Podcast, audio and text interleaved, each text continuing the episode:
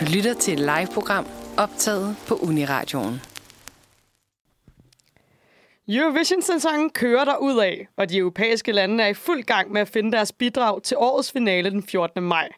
På lørdag er det Danmarks tur til at stemme på, om det er den klassiske Eurovision-lyd, rap og rave eller far-datter-idyl, der skal kæmpe om trofæet, når Danmark skal op imod ægte svensk potentiale og ukrainsk nationalromantik. Lyt med den næste time, når Amalie og jeg både skal runde de politiske omstændigheder, børne-MGP og alt omkring lørdagens show. Velkommen til Eurovision Fan Club. Ja, velkommen i studiet, Amalie. Tak. Og dejligt at se dig. I lige måde. Det er længe siden, vi har sendt sammen. Ja, det er længe Ja, siden. jeg var jo ikke med sammen med fuld effekt i sidste uge. Nej, det var ærgerligt, at du Ja. ikke var med. Første gang, hvor vi uh, drak bajer i studiet. Ja, det lyder virkelig fedt. Det var, det var virkelig et sted, man skulle have været. Ja, ej, det var hyggeligt. Men, uh, men i dag er vi kun to. Ja. Det er helt underligt. Ja, vi har været vant til, efter vi udvidede vores redaktion. Vi har været generelt mange her. Ja, det er altid noget med at slås om mikrofonerne, når vi er Ja. i studiet. Ja. Og nogle flere til at, til at komme ind på det også. Ja, det er det. Men altså, vi plejer aldrig at have de største problemer med at få en snak i gang, synes jeg ikke. Nej, det synes jeg heller ikke, vi har haft. Men altså, øh, vi skal også igennem mange ting i dag. Det er jo aktualitetsprogrammet i dag. Øhm, og det kommer vi øh, tilbage til lige om lidt. Først så vil jeg bare gerne lige lave lidt øh, reklame, som vi plejer. Og det er det her med, at du, hvis du bare lytter til vores podcast, øh, og ikke hører med live, så kan du desværre ikke høre musik. Og det er, fordi det har vi ikke rettighederne til. Til gengæld så har vi lavet en smart Spotify-liste, hvor vi altså lægger alle de sange ind, som vi bruger i programmet. Og den hedder Eurovision Fan Club. Det hedder vores podcast selvfølgelig også. Øh, og så har vi en Facebook-gruppe af samme navn. Og den her Facebook-gruppe, den kan du være med i og, øh, hvad hedder det, og følge med inde på. Øh, der kommer vi med, med updates, hvis der sker noget i vores øh, program. Hvad for nogle emner, vi tager op. Øh, vi kommer til at snakke om øh, den fest, vi skal holde den øh, 14. maj. Og det er fordi, at øh, sidste år, der øh, var vi jo delt op i øh, vores hver især, øh, øh, vores enkelte, øh, hvad hedder det, Eurovision-traditioner. Øh, nogle så det med deres forældre, andre så det med deres venner. I år, der har vi simpelthen tænkt os at lave et event ud af det. Så vi har tænkt os at, øh, at lave et, øh, en kæmpe fest på øh, Grønjørskollegiet i øh, København. Og, øh, og det bliver en åben fest, og der kommer en Facebook-begivenhed. Og vi kunne rigtig godt tænke os ligesom at samle alle de her sådan, ægte fans, og dem, som der øh, sidder fuldstændig limet til fjernsynet, når der er votering, og dem, der også øh, godt kunne tænke sig en kæmpe dansefest til alle Eurovision-sangene bagefter. Så øh, det glæder vi os mega meget til. Helt vildt meget. Det bliver virkelig sjovt, forhåbentlig. Forhåbentlig bliver det Ja. mega sjovt, også øh, selvom hvis nu Danmark ikke skulle komme videre, så, øh, så bliver det ret grineren. Jeg Og, håber øh, på en masse deltagere Ja, det er det. festen. Og, øh, og øh, hvad hedder sådan noget, øh, vi kommer med flere oplysninger, og begivenheden kommer ud lige om lidt. Så, øh, så glæder jeg til det. Men øh, Amalie, hvordan Ja. går det med dig? Jamen, det går... Så nu er der Dansk Melodi Grand Prix. Så Ja. det går lidt Dansk Melodi Grand Prix-agtigt. Vi har jo et øh, Dansk Melodi Grand Prix-humør i dag. Ja, det og, har vi. Øh, ja, vi har taget en sang med hver fra Dansk Melodi Grand Prix. Ja. Og jeg har taget øh, Two Are Stronger Than One med, med Me and My. Mm-hmm. Og det har jeg gjort, fordi at det måske er lidt en sang, som har en lyd, som jeg nogle gange kan savne i Dansk Melodi Grand Prix. Det kan vi komme tilbage på, tid, eller tilbage til senere. Men det er sådan, den har det her skarpe, stærke omkvæd, og er meget sådan klassisk øhm, Melodi Grand Prix banger på mange måder, synes jeg. Og jeg har virkelig den her, den her rene poplyd, som, øhm, som Melodi Grand Prix jo også på mange måder står for. Øhm, så den synes jeg lige, vi skal høre lidt af nu. Ja, det var Are Stronger Than One med Myanmar, der deltog i Dansk Melodi Grand Prix 2007, og ikke klarede sig sådan, så godt i finalen. Faktisk kom sådan lidt midt i på en 6. plads, mener jeg. Nå, Ja. okay. Ellers, jeg synes faktisk, at vi skulle have sendt den her til Europa. Jeg tror, den klaret sig bedre Ja. end øh, Drama Queen. Ej, den klarer sig jo ikke så godt i Nej, lige præcis. Nemt Ej, plads semifinale. Det, det, det tror jeg, den kunne have slået. Ja, ej, det havde den nok. Øh, Hvad med dit humør, Martine? Jamen altså, øhm, mit humør er jo øh, meget øh, ja, specialeagtigt. Øh, meget øh, tynget af, at, øh, at øh, jeg har sådan min egen lille individuelle krise med mit speciale, og så nu er der så også en øh, meget stor øh, verdenskrise, som er Ja. ja. den her krig i Europa, som vi kommer ind på senere som jeg faktisk også blev lidt påvirket af. Så på mange måder synes jeg, at øh, Dansk Melodi Grand Prix kommer på et fint tidspunkt. Det er sådan et dejligt, hyggeligt program, og, øh, og man kan samles lidt om noget i, øh, i, sit, i sit land. Og det synes jeg er ret øh, dejligt, at den kommer nu. Derfor så har jeg også valgt en sang, som jeg synes er øh, klassisk dansk lyd.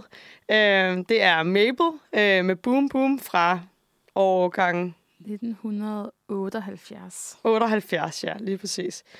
Og, øhm, og, og Boom Boom, det er sådan en dejlig sang, som handler om, at øh, man ikke rigtig ved, hvad der er galt, fordi at øh, ens krop opfører sig helt vildt underligt, og så finder man ud af, at det øh, nok er, fordi man er forelsket, og ens hjerte bare banker.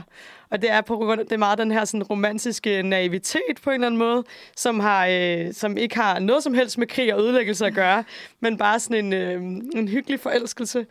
Øh, og så synes jeg også, at det er den her øh, humor, som jeg altid har elsket øh, danskerne for i øh, Eurovision og Melodi Grand Prix, ligesom øh, Fyr og Flamme sidste år, øh, og meget af det, som jeg prioriterer i en øh, dansk Melodi Grand Prix lyd, det er den her... Øh, lidt sådan, vi tager ikke tingene alt for alvorligt. Vi må, vi må godt tage konkurrencen alvorligt, at vi deltager i den, men, men jeg kan godt lide, at, at, vi, øhm, at der er noget hyggeligt og noget sjovt over det. Og at de for eksempel øhm, kan stille sig ud og blive interviewet og lave nogle jokes med intervieweren bagefter. Og, altså, det er, det er bare klassisk dansk. Ja, det var øh, Boom Boom med Mabel. Øh, skønt. Jeg kan huske, at det var den her sceneoptræden med den her kæmpe tromme, store tromme, hvor der var et hjerte på, og så gik øh, han ellers rundt, øh, den ene af dem, og trommede på scenen. Sådan øh, meget hyggeligt. Og det minder mig lidt om det her med, der har jo lige været den her Candice-dokumentar. Øhm, og øh, det handler om det her øh, band, Candice, øh, danske band, og det her med deres øh, absurd øh, øh, vilde fangruppe og fankultur, øhm, som er en, øh, en gruppe af, af danskere, som man ikke altid ser i sin hverdag. Øhm, som altså godt kan finde på at tage til Candice koncerter 200 gange om året. Altså sådan fuldstændig absurd antal. Øhm, og så hørte jeg en politikens poptillæg omkring den her Candice-dokumentar. Og der, øh, der gennem, der var en mand inde, der var ekspert i øh, engelsk, øh, nej, hvad hedder det, svensk top så øh, pandangen til dansk top. Ej, hvor spændende. Øh, mega spændende, hvor at de snakker om det her med, at, øh, at danskerne faktisk overhovedet ikke har opfundet den her musik. De har faktisk direkte efterlignet den fra Sverige. Altså det har været helt fra, at øh, ham, der hed, øh, hvad hedder noget med Bjørn, eller sådan noget, Bjørn et eller andet. Skifs er den, der hedder i hvert fald. Jamen, han hed, jeg, jeg kan ikke huske, han hedder mm. noget med Bjørn. Mm. Han var altså bare øh, over i øh, Sverige, og så fandt han de her lyrics, og så sad mm. han faktisk bare oversat det til dansk. Altså okay. til at starte med. Jamen ligesom altså, Himmelhunden, den er jo også, det er jo også en svensker, der har lavet den. Er det det? Som også har været med i Melodifestivalen, der hedder Hasse Andersson. Nej, Der var chok. med i 2015 i Melodifestivalen, altså, og var med sammen med Heroes, og i den semifinale og den finale, og kom toppen sammen med den. Ej, Guld og grønne skove. mit patriotiske hjerte. Altså, sådan ja. virkelig sørgeligt, at uh, alle dem der, de der gode sang, gamle sange, mm. man har hørt på værtshus, det, bare, det var ikke ægte dansk. Det var svensk. Svenske sange alle sammen. Ja. Men det viser jo bare, vil jeg sige, igen igen, hvor meget altså, Sverige går foran, når det gælder musik. Ja, og det, det må man bare sige. Der må man bare overgive sig til svenskerne. Ja. Nå, men øhm, til noget lidt mere alvorligt, som er øh, helt anderledes end øh, Mabels Boom Boom. Øhm, det har øh, at gøre med den øh, barske virkelighed. Og, og det er, at der er kommet krig i Europa. Øhm, her i øh, sidste uge kommer øh, Mette Frederiksen ud til pressemøde, og vi er jo vant til de her coronapressemøder, og hun øh, stiller sig op, og man ved altså, at der er et eller andet alvorligt, men den her gang, der siger hun altså bare, øhm, nu er der krig i Europa. Og det var bare, altså sådan, jeg fik bare så mange kuldegysninger, og jeg synes, det er så... Øh, så vanvittigt en ting. Altså, det var det helt fra, at jeg sad der og tænkte, kan jeg overhovedet tage til fest i weekenden? Det, det føles mærkeligt at gøre. Øhm, så det, det, det påvirker mig meget. Det, jeg, min fornemmelse er, at det påvirker rigtig mange danskere og mange mennesker, jeg snakker med. Øhm, mm. Den her kæmpe store begivenhed. Øhm, man kan, øh, det, øh, hvad hedder det, konteksten i det, det er, at, øh, at Putin han har, lavet, han har lavet en invasion af Ukraine, simpelthen påbegyndt en invasion af Ukraine, som mm. starter ud med, at han øh, laver den her tale, øh, hvor han siger, simpelthen ikke anerkender Ukraine som land længere. Mm. Øhm, og udover det også mener, at, øh, at Ukraine er et land, der er bygget på nazi-idealer, og at han skal beskytte befolkningen, og derfor skal gøre dem russiske. Øhm, Og det har selvfølgelig rod i noget øh, meget ældre historie, og for eksempel øh, det her med Krimhaløen i 2014, og vi har haft øh, soldater i Estland i rigtig mange år øh, fra Danmarks side af, netop fordi, at man skulle op være ops på, om, øh, om Rusland oprustede. Men øhm, det blev altså meget aktuelt med den her øh, Georgien 2009-sang, øh, We Don't Wanna Put In, som øh, var den her skjulte meddelelse til, til, fra Georgiens tid, at de, øh, side, at de ikke ville øh, øh, hvad hedder det, finde sig i Putin. Og øh, i 2009, det er så øh, året efter, at Rusland og Georgien var i krig. Men de fik, jo, de fik jo ikke lov at deltage, kan man sige, Georgien. Det gjorde de ikke? Nej, de, de var ikke med. Nej. De, øh, de nægtede at ændre teksten, ah, og så måtte ja. de trække sig. Det er rigtigt. Ja, de havde ikke lyst til at gå på kompromis. Ej, ja, det er, altså, ja, det, er, det er ret sjovt. Og, øh, og der har vi snakket faktisk sidste gang, øh, forrige gang, der snakkede vi om det her med, at der under den kolde krig jo var enormt mange sådan... Øh, små referencer til, til krigen, og det nærmest alle de sange, der stillede op i Eurovision, de havde nærmest alle sammen et eller andet lille bitte tegn til det. Der var den, der, der vandt i, hvornår, den der hed Shame, som du snakkede om Det var 1990. Ja, det var i 90, ja. Øhm, men at det her med, at, at når der er sådan en kæmpe stor verdensbegivenhed, så er, det, så, det, så er det ofte, at det bliver berørt på en eller anden måde i Eurovision. Vi har også set det med flygtningekrisen, øh, som er blevet mm. berørt øhm, og, og andre øh, ting med det. Men i hvert fald så sad vi og snakkede om lige herinde, hvad for nogle krige har der egentlig været øhm, under Eurovision? Fordi Eurovision, som vi har sagt enormt mange gange i det her program, det er jo et fredsprojekt, mm. og blev jo øh, startet efter 2. verdenskrig.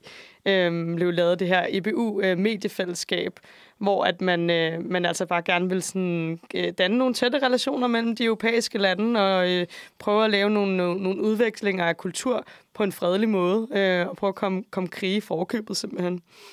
Øhm, så, så det bunder jo, det hele bunder jo på en eller anden måde i 2. verdenskrig. Øhm, og så derudover så har der været øh, en, øh, en længerevarende kold krig, som jo også har været, mens Eurovision har været i gang. Og det var det, der gjorde, at Østeuropa ikke var med, altså frem til starten af 90'erne. Ja. Udover at Jugoslavien var med, men altså... Ja, lige præcis. At øh, det var, øh, de var ikke med, og øh, det blev faktisk også øh, forbudt at sende Eurovision i øh, Sovjetunionen. Øh, det blev altså censureret væk, fordi at... Øh, øh, Sovjetunionen unionen mente, at det var øh, vestlige idealer, som øh, var meget skadelige for befolkningen. Øhm, så der var altså også, det var så under kold krig, så, øh, så var der 90'erne, Balkankrigene, Øhm, ret voldsomme krige, som, øh, som altså øh, øh, var, var en meget tragisk periode i europæisk historie. Men altså, øh, og det var vel, og, og det var, havde jo også alt med Eurovision at gøre, fordi at i det omfang, at de her lande, de, øh, de øh, hvad hedder det, erklærer sig selvstændige, mm. så bliver de øh, pludselig, øh, hvad hedder sådan, relevante til at kunne komme i Eurovision. Mm. Øh, og så ser man dem langsomt i 90'erne, 0'erne begynde at komme ind på Eurovision-scenen. Kan du huske, hvornår det er, at de hver især kommer ind? Altså, de første østeuropæiske lande kommer med i 1993. Der holder man sådan en intern øh, øh, konkurrence på Balkan, ja. øh, hvor der så er nogle af landene, der får lov at debutere. Det er Slovenien og Bosnien-Herzegovina og Kroatien, der får ja. lov. Og så kommer der flere i 94, og så op igennem 90'erne. Og så jo frem til, at Serbien og Montenegro først debuterer i 2004. Ja, og øh, hvor de øh, hang sammen stadig? Ja, ja, de hang sammen i 04 og 05, og så blev de selvstændige lige efter Lordi sejr, dagen efter Lordi sejr. Mm. Og så stillede de op hver sig i 07. Ja, så det er... En, ja, det er rigtigt. Ja. Jamen, det er sådan en meget spændende spejl af, af virkeligheden, Eurovision nogle gange på den måde. Øh, men det kommer også af, at vi snakkede om, at øh, altså, det her, der er sket med, med Ukraine og, og Rusland, det har jo gjort... Øh, at, øh, at, der, øh, at der er kommet det her boykot, så derfor så snakkede vi om, hvorfor er det ikke kommet før? Fordi der har jo både været Balkankrigene, så har der været, der var de så ikke med i konkurrencen, kan man sige, så det kunne ikke rigtig have nogen indflydelse.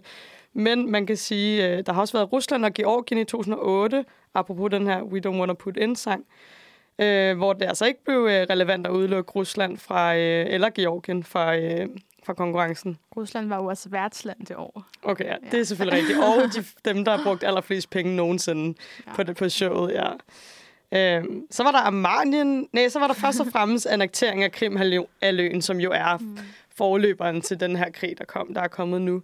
Og så var der jo øh, sidste år øh, Armenien og Azerbaijan, som jo øh, bunder en, en, en længerevarende konflikt. Øh, men man, men der, altså, man siger, det er en, en, en to måneders krig, som altså handler om det her område i øh, Armenien, som øh, de er uenige om, hvilket om tilhører Armenien eller Azerbaijan.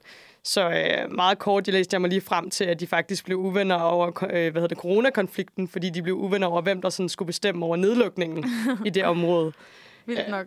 Ja, det var ret vildt, og det ender jo så med, at Armenien faktisk øh, trækker sig fra at skulle deltage i Eurovision i 2021, fordi de ikke kunne være klar til at sende et øh, sangbud ind. Det mm. har nok alt at gøre med den krig. Øhm, så, øh, så var der i 2021, hvor at øh, Hviderusland jo bliver udelukket fra EBU, som jo er en... Øh, et meget klart boykot, øh, som man kan sige, minder om det her. Øh, den forklaring, der blev givet, var, at de simpelthen går imod de idealer, der er i EBU, og at de ikke opfylder menneskerettighederne. Øh, og det var altså i forbindelse med, at de først starter med at stille op med den her sang, som var meget politisk, og som, hvor at man, øh, man havde en mistanke om, at simpelthen øh, Lushenko havde været inde og, og skrive om i teksten, eller sådan skrive, at, øh, skrive sådan nærmest support-tekst øh, til ham.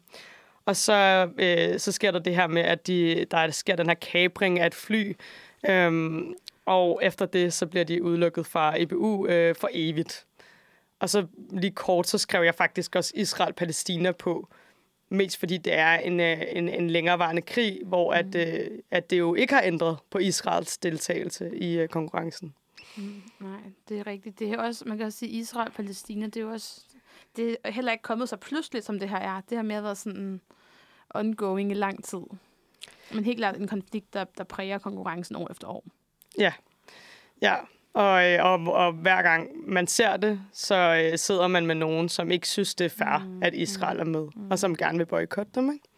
Og der kan man så. måske også tale om, at synet på Israel måske har ændret sig, siden de debuterede mm. i, i uh, Eurovision, som jo var mere sådan en post af en verdenskrigstid, hvor man ja. også havde meget sympati mm. med, med, med, med jøder og Israel og det projekt. Ja, lige præcis, ja.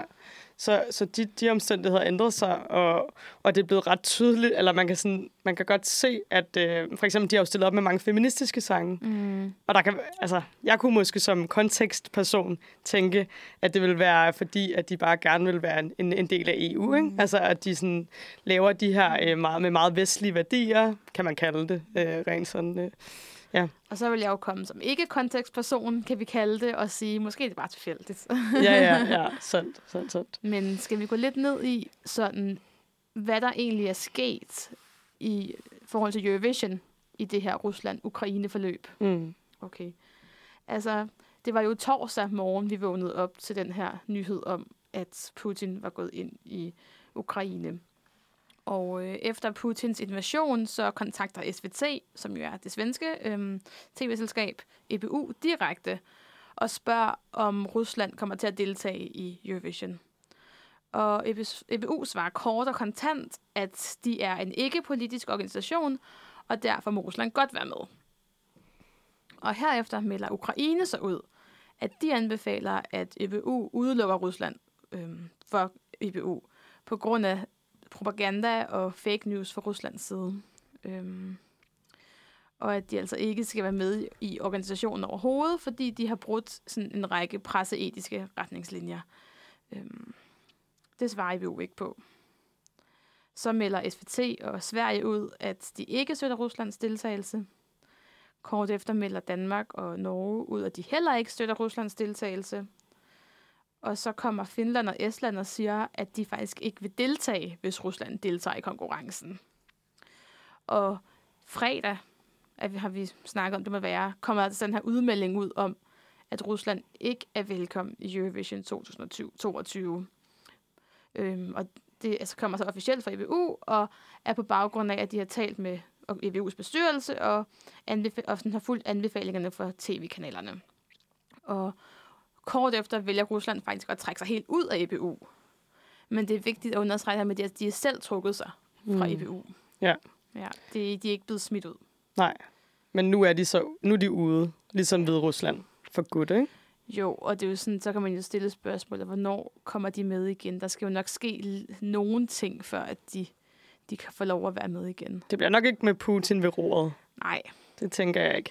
Nej, og der skal nok heller ikke lige være en krig i gang i Ukraine. Nej, nej. Ja. En, en regel må være, at man nok ikke øh, laver en invasion af de andre, en af de andre deltagerlande i Eurovision. Nej, for man får lov at være med. Nej, det tror jeg ikke. Det er ikke smart. Nej. Ja.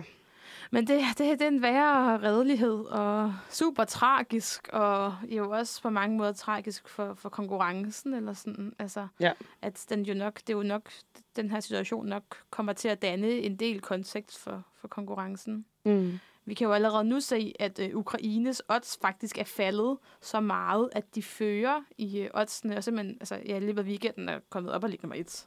Mm. Øhm, Og det skal lige siges, at, øh, at Ukraine havde jo en anden deltager først. ja, det er også rigtigt.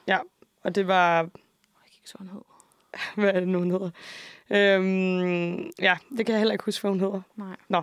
Men øh, hun, øh, hun øh, hvad hedder det, deltog først, og det er fuldstændig ligesom der skete sidste år, Mm. øh, blev hun simpelthen udelukket fra konkurrencen, fordi Mm. at hun, øh, at hun var for, eller man mistænkte hende for at være Rusland-venlig. Ja, hun havde Øhm, optrådt i Rusland, eller ja. hun skulle love, at hun, ald- at hun ikke vil optræde i Rusland Ja, i en lang periode, og det er nogle ret strikse regler, de har derovre. ja, og så er det jo tit sådan, at det ender med, at, at de ikke har lyst til at være, øh, hvad hedder sådan noget, øh, politiske i det, og derfor så Mm, Ja, hun hedder Alina Pash, får vi yes. så lige at vide her på vores øh, redaktions messengergruppe. Så det er meget godt. Fedt. Men øhm, ja, og, øhm, og hun, øh, hun skulle så ikke deltage, og nu er det så, Mm. øh, hvad hedder dem, der del- deltager nu? Gruppen, Gruppen. ja. Øhm, som har sådan en meget spacey sang med. Lidt, altså lidt ligesom sidste år. Det er også sådan en rigtig, blandings, rigtig blandingsnummer med noget folkemusik og noget hiphop. Og øh, jeg synes måske ikke, at det er et nummer, der normalt vil ligge til at vinde. Altså, Øh, øh, de hedder Kalush Orke- Orkestra. yes. Ja. Nej, og det er det, der er ret spændende, fordi altså, øh, skal, skal Ukraine ligesom vinde konkurrencen af en sympati for Europa? Øh, eller kan konkurrencen godt køre normalt, kan man sige? Mm. Og, og kan vi godt køre det, som om der ikke var en krig i Europa? Kan vi godt lade, som om der ikke er en krig i Europa? Altså, ja, det, altså, man kunne godt forestille sig, at Ukraine fik en masse sympatistemmer. Altså, altså jeg kunne sagtens forestille jeg, altså, altså, folk stemte på dem simpelthen af den grund. Så det er et godt spørgsmål. Kan man det? Altså, det ville måske være lettere, og ikke at man nødvendigvis skal det, men det ville måske være lettere, hvis Ukraine faktisk trak sig. Altså, Mm. Ja. og køre videre. Altså, ikke som om intet var sket, men sådan på samme præmisser. Mm. Fordi at ville det være en færre konkurrence? Altså, hvis, hvis, altså, hvis, så, hvis så mange mennesker har et land, som man altså, selvfølgelig af gode grunde sympatiserer rigtig meget med, Mm. man har rigtig meget sympati for. Og så kan man jo også stille spørgsmålet, vil, vil Ukraine overhovedet være i stand til at afholde konkurrencen i 2022? Og vil det være fair at stemme på et land, fordi man har- synes, det, altså, at vi gerne, ville gerne vil stå sammen med dem, mm. som så ikke vil kunne afholde konkurrencen? Det vil, på den måde vil det også være sådan en, en forlitterklæring på den her musikkonkurrence. Og det ville måske egentlig i virkeligheden også være ret stærkt, hvis de var ude i Ukraine og sige, vi deltager ikke. Ja. Fordi prøv lige at vågne op. Vi har en krig, der er ret alvorlig. Ja, Øhm, sådan så man faktisk øh, giver endnu mere opmærksomhed til den her meget tragiske situation. Men ja. de ikke deltager. Øhm, Mm. Men ja, den er svær, fordi at som, som vi altid snakker om, det kan godt være, at det er en upolitisk musikkonkurrence, men det er også et fredsprojekt i bund og grund. Mm. Og hvis at det skal kunne skabe fred, så nytter det jo ikke, at vi kigger, altså at vi bare lægger låg på alt det, der er hårdt i Nej, Europa. Vi lader som ingenting. Og Nej. bare sådan, hey, nu hygger vi os lige sådan, øh, og så, så er der lidt krig ude, uden, udenfor. Og så, ja, det forholder vi os til i morgen. Ja, præcis. Og også bare det her med, sådan at, øh, at vi, altså, mm. der har jo været alvorlige ting i løbet af det. Vi har mm. haft en kold krig, hvor der blev lavet en masse referencer til det. Øh, vi har haft, øh, hvad hedder sådan noget, Tyskland, som der sætter, øh, der skal give nogle, øh, nogle point mm. til Azerbaijan, og så implicit lige siger til dem, Azerbaijan, jeg håber, I får demokrati. Ja, Ikke? men det er jo også mere subtilt og sådan. Altså, Ja, ja. Men Fordi- så, det, så det kan man sige, det er politiske ting, der bare ikke kommer ind og overtager programmet. Mm. Øhm, ja. Nej, for hvis, altså, hvis Ukraine skal vinde, fordi vi støtter dem, altså, åh, det er også bare, også bare være ærgerligt, at, at det ikke er sangen, det handler om. ja. Altså, fordi det skal det jo også. Det er jo ligesom et, et, en måde, det er jo også et, et, et sted, hvor at Europas lande finder sammen Mm. om, om musikken, men det er jo stadigvæk musikken, der er i centrum, selvom at vi mødes om det her. Ja. Jeg vil sige sådan, jeg håber, at vi kan få en Eurovision-konkurrence, hvor at øh, krigen ikke bliver glemt. Jeg håber, der kommer referencer også direkte på scenen. Kunne jeg godt tænke mig, at der kommer nogen, hvor de siger, okay, øh, vi, jeg ved ikke, om det skal være et minut stillhed, eller hvad det skal være. Det skal i hvert fald være en opmærksomhed på, at det her sker, mens vi hygger os med en masse glimmer og, og fest. Øhm, og så stadig vi kan have en, hvad kan man sige, nogenlunde normal konkurrence. Mm. Øhm, og hvis så folk stemmer på grund af konteksten, det synes jeg faktisk er lidt okay. Det er lidt af det her med, at vi heller ikke stemmer på, øh, mm, på, øh, på UK, fordi vi synes, de er lidt, mm. altså, vi er lidt irriteret på dem. Det, konteksten kan vi sgu ikke slippe fra i Eurovision. 100 procent i hvert fald. Vi kan ikke slippe fra det, men jeg synes heller ikke, den skal tage fuldstændig over. Nej, Fordi, altså, ja, land er ikke lige med bidrag. nej. Det er også rigtigt. Vi skal i hvert fald, øh, uanset hvad, øh, diskutere det her meget mere Ja. senere øh, det er nogle af de andre. Ja, det er kun en start. Ja. Det er noget af det vildeste, tror jeg, der er sket i mange, mange år. Øh, jo, både i Europa, kan man sige det hele taget, men også i forhold til Eurovision-konkurrencen, at et land går ind og bliver boykottet på den her måde. Mm. Øhm, ja, jeg synes, at vi øh, skal høre øh, en ukrainsk sang øh, lige her til at afslutte vores øh, Ukraine-emne, øh, Ukraine-Rusland-emne. Øh, og det... Øh, og det synes jeg, og så synes jeg, at vi alle sammen lige skal sætte vores tanker omkring, øh, eller over på Ukraine, øh, og tænke på alle dem, som der lider nu, lige nu derovre, øh, inden vi øh, fortsætter vores program. Så øh, jeg tænker, øh, hvem anden end Jamala, øh, der stiller op med 1944 øh, i øh, 2014. 16. 16. Altså, 2014 vil måske også være lige lidt Ja. tæt på selve krisen, men øh, som, øh, som havde det her sådan lidt implicite politiske statement, øh, som nogen synes var for meget, og andre synes, det var lige tilpas. ja. øh, men øh, her kommer Jamala med 1944. Ja, jeg stopper øh, lige Jamala her midt i hendes øh, smukke, øh, ja, den her skrigedel af Jeg sangen. ved ikke, hvor smukt jeg synes, det er. Amalie er ikke fan af sangen, det er vist ikke nogen hemmelighed. Ej, jeg er glad for, at vi stoppede den der. Ja, og jeg synes, den er okay. Men altså, vi, vi blev lige enige om her i pausen, at øh, nu vil vi lige sådan, øh, skifte emne for det her krig, og så vil vi også bare lige sige som sådan en konkluderende ting, at Eurovision er jo måske også bare, hvor det også er politisk, så er det også nogle gange en, et pusterum for mm. alt det her. Mm. Og måske en, øh, et fokus på, hvad der også eksisterer i verden, og der også eksisterer ting, som er smukke og glimmeragtige og, mm. øh, og skønne. Øh, Ja, det bliver vi også nødt til at huske på i alt det her krig, at der også er noget godt, vi sådan kæmper for i verden, eller sådan, ja. at alt, alt bare ikke er elendighed. Selvom det kan virke naivt, så er det nogle gange ja. det, man har brug for lige at tænke en gang imellem, når man lige går helt ned over, hvor, hvor uhyggelig verden kan være. Mm. Ja, og, og det, derfor så fortsætter vi så også øh, vores øh, her, øh, hvad, hvad kan man sige, meget sådan... Øh, øh, øh, ja, relevansprogram, eller hvad var det, du Ja, kaldte det? aktualitetsprogram. Aktualitetsprogram Ja, med, med børne-MGP. ja. som jo også lige har været her i weekenden. Ja, det var i lørdags. Ja. Og øh, jeg så det sådan lidt halvt, for jeg var hjemme hos veninden, hvor vi også lige øh, drak nogle drinks, og vi fik lige snakket lidt for meget, så jeg fik ikke hørt det hele, mm. men jeg havde det i baggrunden, og øh, jeg synes, så skulle det være meget skønt.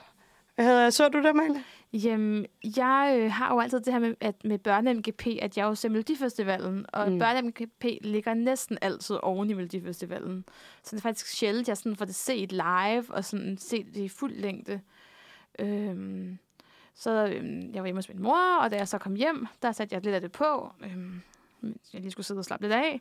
Og så endte jeg med at falde i søvn under sang nummer et. Ja, okay. Så det var ikke sådan så meget, jeg fik set af det. Nej. Øhm, men jeg synes, at det, jeg så, kunne jeg meget godt lide. Mm, Altså, det var jo Anna Lind og Stefania Potalivo, der var værter. som gjorde et øh, meget skønt værtskab. Øh, meget sådan energifyldte begge to, og Ja. sådan, ja, rendte rundt, og øh, som der altid er med børne-MGP, så er der jo rigtig mange sketches. Mange flere, der er end i voksen MGP, hvilket jeg synes er sygt ærgerligt. Helt vildt. Øh, fordi, at, hvorfor sætter man ikke bare nogle komikere ind og hjælper med at lave nogle grineren sketches til voksen MGP også? Ligesom, Sådan- ligesom de jo gør i Sverige. Altså sådan. Ja, ligesom de gør Ja. i Sverige, og sådan, hvor de gør det så de gør det så akavet og kedeligt i forhold til børne-MGP, mm. som faktisk bare er et helt vildt perfekt børneprogram. Ja. Også, altså nu så jeg åbningsnummer, og jeg synes faktisk, de gjorde rigtig meget ud af det. Og sådan, det var et rigtig shownummer, en sang, de havde skrevet med en ny tekst, og der var masser af sådan rekvisitter og kostymer. Og, mm. altså, man kunne virkelig mærke det faktisk. Der var faktisk nogle mennesker, der havde sat sig ned og gjort noget ud af det her. Mm, og Malte Ebert kom og sang en lidt kedelig sang.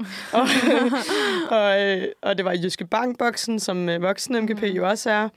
Øh, hvor der er nogen, der snakker om det her med, måske det er en lidt stor scene til sådan nogle små børn, men Mm. jeg synes, det fungerede meget godt, og der var absurd mange publikummer jo. Jeg var jo fyldt op, var der ikke? Jo, det tror jeg, der, der var. Det Ja. virkede til i hvert fald stort set. Altså, Og så er det bare så sødt, fordi de har sådan en, de hæpper altid mega meget på hinanden, Ja. ja. de der børn. Ja. Så de står bare og synger med på alle hinandens sange. Og der er slet ikke den der sådan lidt, lidt, øh, lidt øh, akavet konkurrence bitterhed, som der nogle gange kan være i det voksne. ja, det er rigtigt. Der er nogen virkelig tror, at de, at de skal vinde.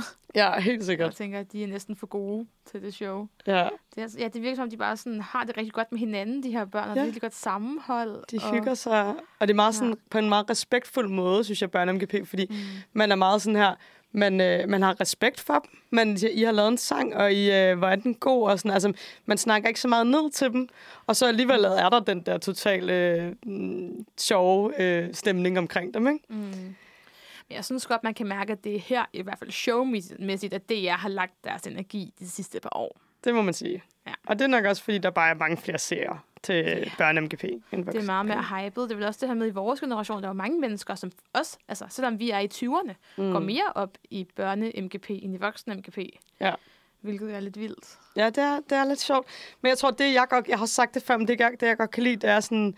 Det er så... Øh, de har altså sådan nogle virkelig, virkelig specifikke øh, sange. Øhm, så øh, jeg prøvede lige at lave en lille analyse af, af musikken i år, og jeg føler lidt, at øh, vi har øh, Casey øh, Gilly efterligningerne, som jeg kalder dem, som er altså det her med, at man kan høre, at de her unge mennesker, de har fandme hørt noget dansk rap, og de har virkelig følt sig inspireret af det. De har simpelthen valgt øh, nogle drenge, de lavede simpelthen en, en sang, der bare hed Mamacita, som er en. Casey Gilly-sang. så det synes jeg bare iskoldt, bare at kalde den det Ja. samme. Og så bare køre nogle raps, der bare lyder sådan lidt, lidt, øh, lidt gilly Og så, øhm, ej, det, det var virkelig fedt. Og så, øh, så der er altid de her i hvert fald tre rap-sange øh, i Børne MGP, Mm, det fylder meget. som jeg er jo ret vild med. Og det er jo fordi, det er jo, også, det er jo et sjovt show, når folk, de sådan, når der er nogen, nogen der rapper, ikke? Mm. Og så er der, øh, så er der de her, dem, jeg kalder de søde idealer, som er de her, du er god nok, som du er sange. Øhm, I år var der, mm. et, et, der var både et øh, drengeband, der sang, ja, der direkte sang, du er god nok, som du er, tror jeg. Og så var der også de her piger, der sang, øh, hvorfor eksisterer der pigefarver og drengefarver? Mm. Øh, hvorfor en, en dreng kan da lige så godt have lyserød på, og en pige kan da lige så godt have en kasket på. Så det, mm. det bliver meget sådan, ja, de, de gode, øh, sådan moderne idealer. Masser af wokeness. Masser af wokeness, hvor vi også sidste år havde den der mm. sang, som var... Øh, jeg tror, det var noget med regnbuen, de sang om, og det handlede om at være, at være queer og sådan noget. Ja, Så på den måde er de ret langt fremme. det er ret fedt. Og så den sidste kategori, jeg har lavet, det er det her børnetech, som bare er, at der altid er en masse sange, der handler om mobiltelefoner, og hvad man kan lave på en mobiltelefon. Og der er altid enormt meget med TikTok. Ja. Det er også virkelig den generation af børn, der er nu. De er jo virkelig TikTok-brugere. Ja, ja, altså, det er i de den jo. grad. Ja, og det er bare sådan, det, det de har på hjernen. Der var også øh, den, vi hørte her, som hype-sang, lige inden vi gik Ja. i gang. Popcorn-sangen. klart den bedste i år. Jeg er simpelthen chokeret over, at den ikke kom i superfinalen. Jeg er sådan, hvad sker der? Altså virkelig, nu slår jeg jo, altså nu plejer jeg jo at sige, at jeg ligesom går op i musikken og kompositionen, og jeg er sådan, altså klart, det var den bedste sang. Ja, den Altså. er, er næsten lidt for god. Man er sådan, hvor har I stjålet det beat henne? Ja, det var ret meget om banger. Ja. Nu har jeg kun lige sådan, jeg har set sangene overfladisk her efter showet, mm. og synes, altså, klart at den stak ud som sådan, det, det, altså, den bedste sang. Og også den griner en tekst, altså. Mm. Det er jo også det, der er meget typisk for MGP, at man, sådan, at man synger meget øh, tydeligt, specifikt om et bestemt emne. Ja. Og så, ja, hvorfor kan man, man kan lige så godt synge om popcorn, som man kan synge om TikTok. Ja, ja, så er der sådan Altså- popcorn og TikTok, og meget dengang, at vi var børn, der var Ja. det meget sådan noget, fuck skolen, vi hader Ja. at gå i skole, vi vil gerne Ja. have frikvarter. Og fest var det altså også meget sådan sodavandsdiskotek festsange. Ja, he, ja, ja, alle dem Det var der. også en ting. Ja, øh, ja det, det var sjovt. Nå, men øh, hvad hedder det? Vinderen, øh, det er jo øh, Emma med Hater. Ja. Og øh, den øh, sang, den, som jeg forstod det, så handler den sådan i bund og grund om, at øh, hun, hun, hun kan ikke lide haters, men hun kan godt lide likers, Ja. som er det modsatte af haters. Så også lidt med ja. mobiltelefonagtig vibe. ja. jeg synes, den var lidt intetsigende. Jeg, jeg forstår faktisk ikke helt, hvorfor den vandt. Nej, jeg tror, lidt generisk. jeg tror, hun havde en god energi på scenen. Ja, Det betyder også noget. Ja, og så havde de nogle fede orange outfits, som jeg bider mærke i. Ja. Som minder mig lidt om Arabins drøm outfitsene. Okay, ja. Det er, Øh. også, det er også en vibe. Ja, det er virkelig en vibe. Øhm, men øh, her kommer Emma med Hater for hater. hater for MGP 2022. Vis dem, du er en vinder. det kan jeg meget godt lide. Ja, ej, jeg synes faktisk, den var meget god også, nu når vi hørte den. Ja, ja. Den var Der, faktisk meget, meget catchy. der er god vibe i den, synes Ja. jeg. Ikke helt så god som popcorn-sangen. Ej, så godt popcorn-sangen. Altså, hjemme i stuerne, øh, hør den lige. Den er Ja. ja. virkelig god. Hvis I nogen af dem, så ikke, heller ikke følger så meget med i Børne MGP. Så Ja, ja. Det er jo heller ikke alle på vores redaktion, der går op i Børne MGP, kan vi sige. Nej, men popcorn-sangen kan alle fandme relatere til. Man vil Ja. ja. gerne have sprøde popcorn, og de skal ikke være for salte, og de skal Nej. heller ikke være for søde. Lige præcis, og alle kan jo lide popcorn. Ja. Altså, no. Men fra Børne MGP til de voksnes Melodi Grand Prix. Mm. Det er jo nu på lørdag, den 5. marts, at slaget skal stå. Uh. Og vi skal se det sammen her på vores redaktion. Mm. Det glæder vi os til. Det bliver hjemme hos mig, og jeg laver Ja. noget mad, og så skal vi måske have nogle drinks, Og nogle popcorn. og måske nogle popcorn. ja. Det er vi næsten nødt til. Ja. Og øh, nu tænker vi lige at give jer en lille guide til lørdagens felt, og hvad vi måske synes, synes om feltet, og et lille bud på, hvem der måske kunne vinde. Ja. Ja, og jeg tænker bare, at vi skal hoppe ud i det. Mm.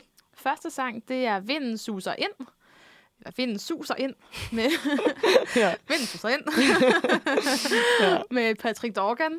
Og øh, mit kendskab til Patrick Dorgan øh, kommer faktisk først og fremmest fra X-Factor, hvor han deltog tilbage i 2009.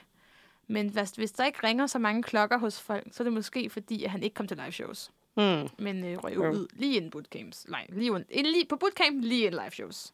Oh. Øhm, og så var han lidt væk en periode, og så fik han nogle hits nogle år senere, omkring 2014-15 stykker, hvor den mest kendte er sangen Marilyn, som handler om Marilyn Monroe. Mm. Og det er sådan rigtig, rigtig P4-musik. Altså, Ja.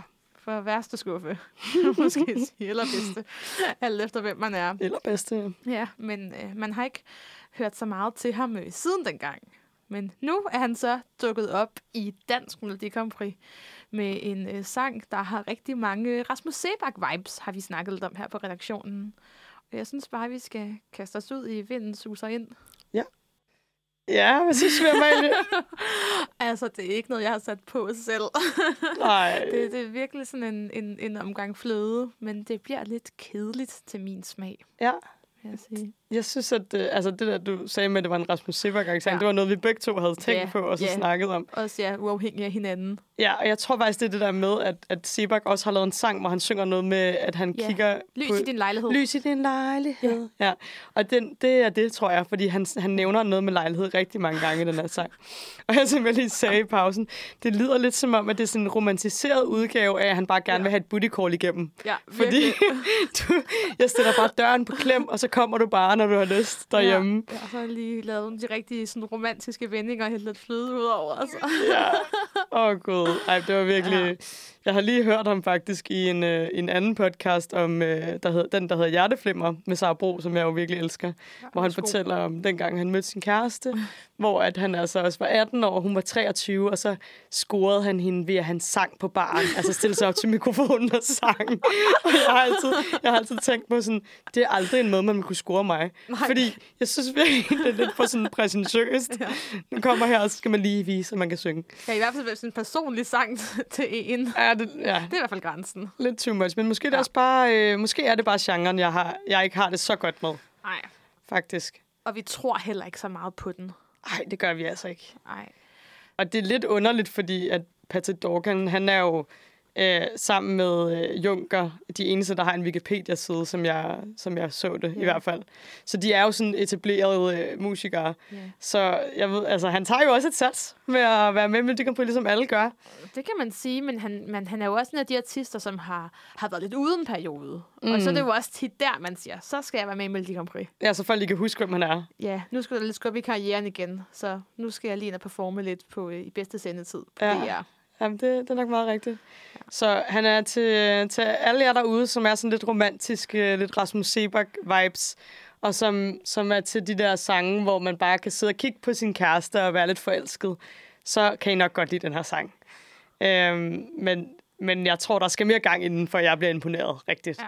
Ej, men jeg, jeg vil så sige, at jeg kan godt lide Rasmus Sebak, og kan også godt finde på at sætte Rasmus Sebak på. Mm. Men jeg synes alligevel, at, at ja, der, at Rasmus Sebaks sange har noget over sig, som den her på en måde ikke har. Eller Ja. sådan, der er alligevel en vibe i Rasmus Sebaks sange. Men jeg vil så også sige, at Rasmus Segebach har også lavet Øde Ø, som er en kæmpe festbanger. Ja, præcis som en så det er banger. sådan, han kan også noget andet, hvor at, jeg synes lidt, når jeg har hørt Patrick Dorgans musik igennem, det bliver for, øh, for selvhøjtidligt. Der er ikke den der Mm. ironiske distance, som jeg er så glad for. Og derfor så, så tror jeg også bare, at den falder lidt igennem på scenen. Ja, jeg tror heller ikke, vi skal, vi skal regne med den. Vi har for meget humor i Danmark til den sang. Det tror jeg bestemt også. Ja, det tror jeg. Mm. Men en sang, man måske kan regne lidt mere med. Uh ja. Det er sang nummer to. Og det er jo, øh, det kan vi, kommer vi også til at snakke om senere, men det kan vi godt afsløre, en af dem, som, som virkelig har god odds til at, at komme helt op i toppen. Um, og det er øh, bandet Confessions, som er stadig med et tretal. um, og øh, med ed- edet af et tretal. Øh, meget spændende. Øh, og sangen Halleluja, hvor at øh, allerede der, så tænker man, wow, I har simpelthen valgt en titel, som er en tidligere vindersang. Det er altid lidt sjovt. og det er lidt, det er lidt risky, risky at gøre, ikke? Men, øhm, men ja, det har de så valgt. Og, øhm, og det er altså de her to søskende og en random, som vi ikke ved, hvor, hvor, hvor, hvor ligesom passer ind i det her. Kender dem i hvert fald. Ja, kender dem, håber vi da. øhm, men ja, en pige og en dreng, der er søskende, og så en, øh, en pige til. Og det er Jon fra Popstars, der har skrevet den. Og hvis ikke man lige kan huske, hvem Jon fra Popstars er, så er det ham der, der kom i fængsel, fordi han øh, slog en med en stegepande. Det er altså vildt noget at komme i fængsel på. Ja, jeg ved så heller ikke helt, om han kom i fængsel, men der var, han fik i hvert fald en dom, for jeg kan tydeligt huske det der med, mm. at man var sådan, okay, han var rigtig god, men mm. vi skal ikke kunne lide ham alt for godt, for han er så voldelig. Ja, han, han var jo virkelig sådan hotshot, der i start nu, eller den der han havde vundet Popstars. Mm. Altså. Og Altså. også meget lækker. Altså sådan, jeg var meget Ja. ung, føler jeg, eller barn, men jeg synes, han var lækker. Ikke huske, hvordan han så ud. Nej, Jeg var jo kun fire, da han vandt, så... lidt minder lidt om John Travolta, faktisk, fra Okay. Grease. Ja, Nå, griner hans unge dage. Ja. Nå, men øh, den her sang, den er altså sådan lidt gospel-inspireret, og øhm, som vi også lige snakker om, inden vi gik i gang, så er der sådan mange religiøse referencer. Jeg kiggede også lige teksten igennem, og det er meget sådan noget med at råbe op i himlen, og sådan noget med, jeg tror endda også, der er noget med sår på hænderne, altså lidt aller Jesus, når han hænger på korset. Altså, det bliver helt out there, ikke? Altså, hvor man tænker, hold da kæft, der er, det, der er religiøs stemning her. Øhm, og, så, øh, og, så, og det passer jo meget godt ind i Eurovision, kan man sige, fordi mm. der er rigtig mange af sådan nogle sange. Bare sidste gang i øh, 2021, hvor der var to sange, der hed Amen. Ja, og der var også sunget Halleluja Og en der- masse gange i den ene Amen-sang i hvert fald. Er du sindssyg, ja. Halleluja er generelt et ord, der er blevet sunget meget i Eurovision. Øhm, men ja, jeg vil kalde det en klassisk Eurovision-lyd. Og øh, min mor, hun øh, sad derhjemme i øh, Esbjerg, øh, hvor jeg var på besøg. Og så hørte hun den her sang i radioen, og så var hun sådan, ja, det er i hvert fald Eurovision, det der. så det må være noget, øh, minimanden ved af Eurovision. øhm, yes, skal vi lige høre lidt af den? Lad os. Yes, det var jo øh, Halleluja med Confessions, som, øh, som I godt hører. Altså, det er, den er mega catchy. Det er den jo bare. Mm, det er den. Altså, jeg kan godt mærke, at jeg går i gang på omkvædet, når jeg hører det. Ja. Jeg vil også sige, at jeg har ikke hørt dansk Melodi Grand Prix sådan vildt mange gange, fordi jeg har hørt Melodifestivalen vildt mange gange, og hører Ja. dem rigtig, altså det, det er dem, der kører på min playliste, hver gang jeg hører musik. Så mm. det er sådan, så er dansk Melodi Grand Prix blevet skubbet noget i baggrunden. Ja. Men når jeg så hører den her, så synes jeg, ej, den er der alligevel, den, den kan noget. Der er ligesom, der er gang i den, og ja, det... Um, Og man kan også forestille sig, at de kommer til at stå på den der scene, og altså... Ja, der kommer en vild øh, energi på scenen, tror jeg. Ja, men der er også lidt sådan lidt Ben Tan over det, føler jeg. Man kan godt forestille sig, at det bliver lidt sådan... Ja. Forestille sig, at det bliver lidt Ben Tan-agtigt. Sådan, altså lidt optempo ja. og nogle... Så det er en trio her, men sådan... Mm. Ja, sådan. Vi snakkede også lige om, inden vi gik i gang, det her med, at, øh, at nogle gange er der jo faktisk også nogen, der stemmer på en sang, fordi de tænker, mm. At den kommer til at have gode chancer i det internationale, så de stemmer ligesom mm. strategisk. Og det her vil jo måske være den sang, man vil stemme mm. strategisk på, fordi den minder mest om klassisk Eurovision. Det er rigtigt. Ligesom Silver Bullet fra sidste år, Præcis. som også var klassisk Eurovision, som de så bare fuldstændig tabte på gulvet på scenen ved at Ja. altså, synge rigtig dårligt. Ja, Og, synge falsk. ja, og overhovedet ikke brænde igennem. Mm. Men altså, det er det er lidt samme skuffe, vi har her. Det er det der med at ramme en, en lyd, som, som fungerer internationalt. Mm. Som folk forstår. Og altså, forstår, det er også et rimelig nemt budskab, de kommer frem til, men Ja. det er universelt. Ja, og der er jo også en grund til, at Eurovision-lyden er Eurovision-lyden. Mm. Det er jo bare det, der fungerer i konkurrencen. Ja. Og det her med, når man skal, når man skal stemme på noget og høre, høre det første gang, som sådan, det, det fænger mig. Eller sådan, Mm. mm. Og det har den her. Ja, jeg vil sige, jeg hører alle de her sange, når jeg træner i fitness.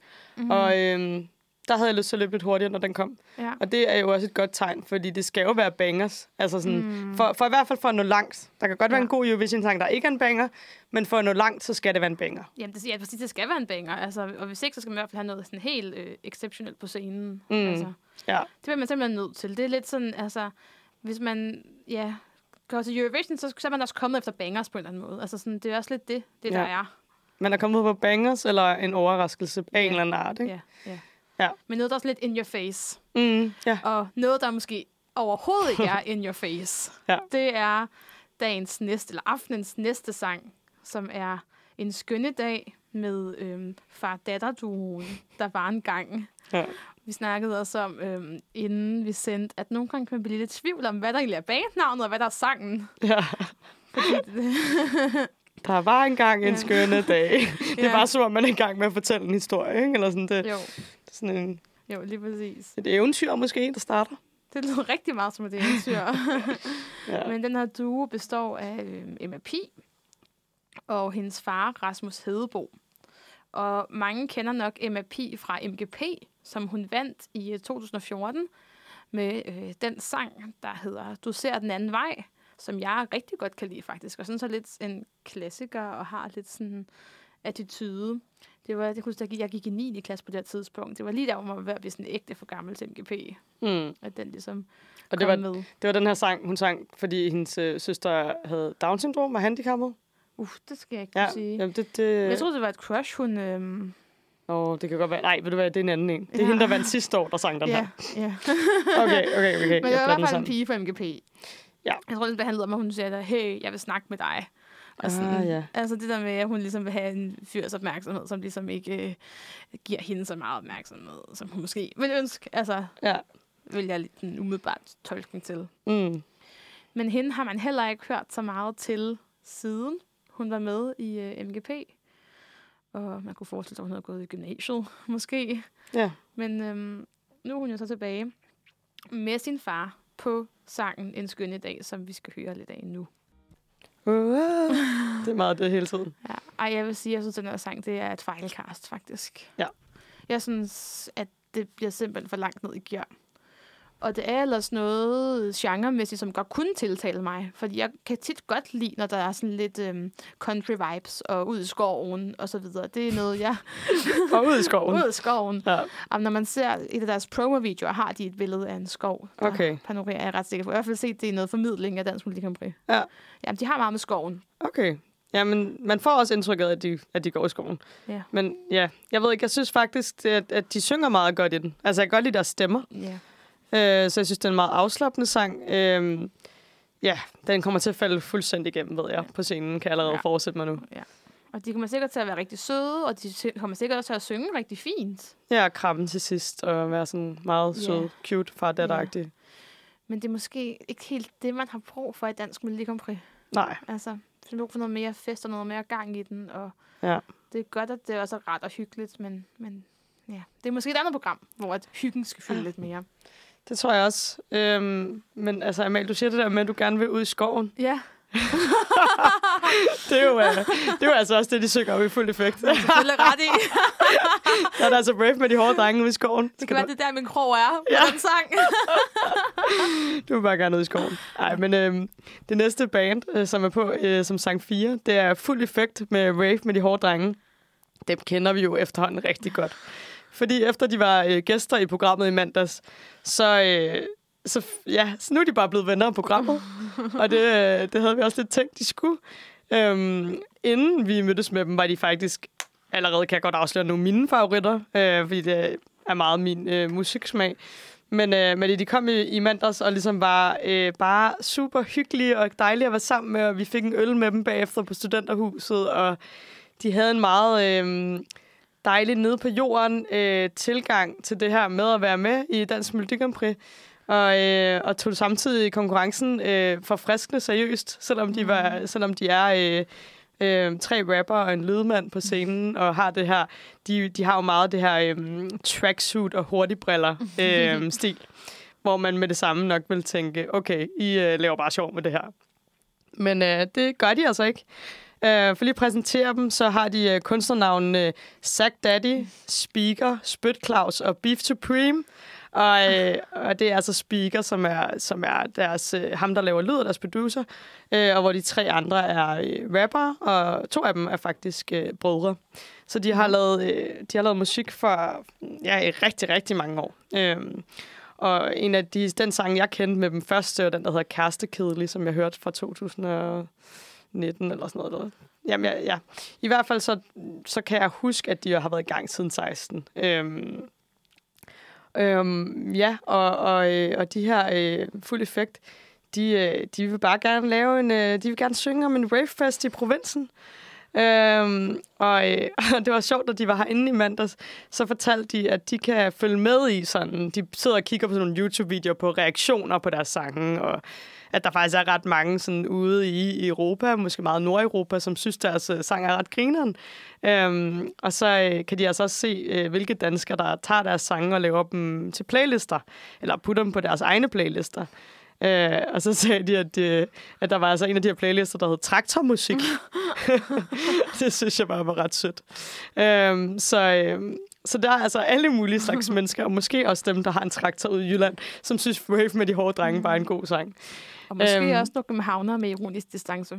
Ja, og måske også dem. Mm. Og, øh, og ja, lad os lige holde den tanke, og så lige høre den her, og så snakke videre om den bagefter.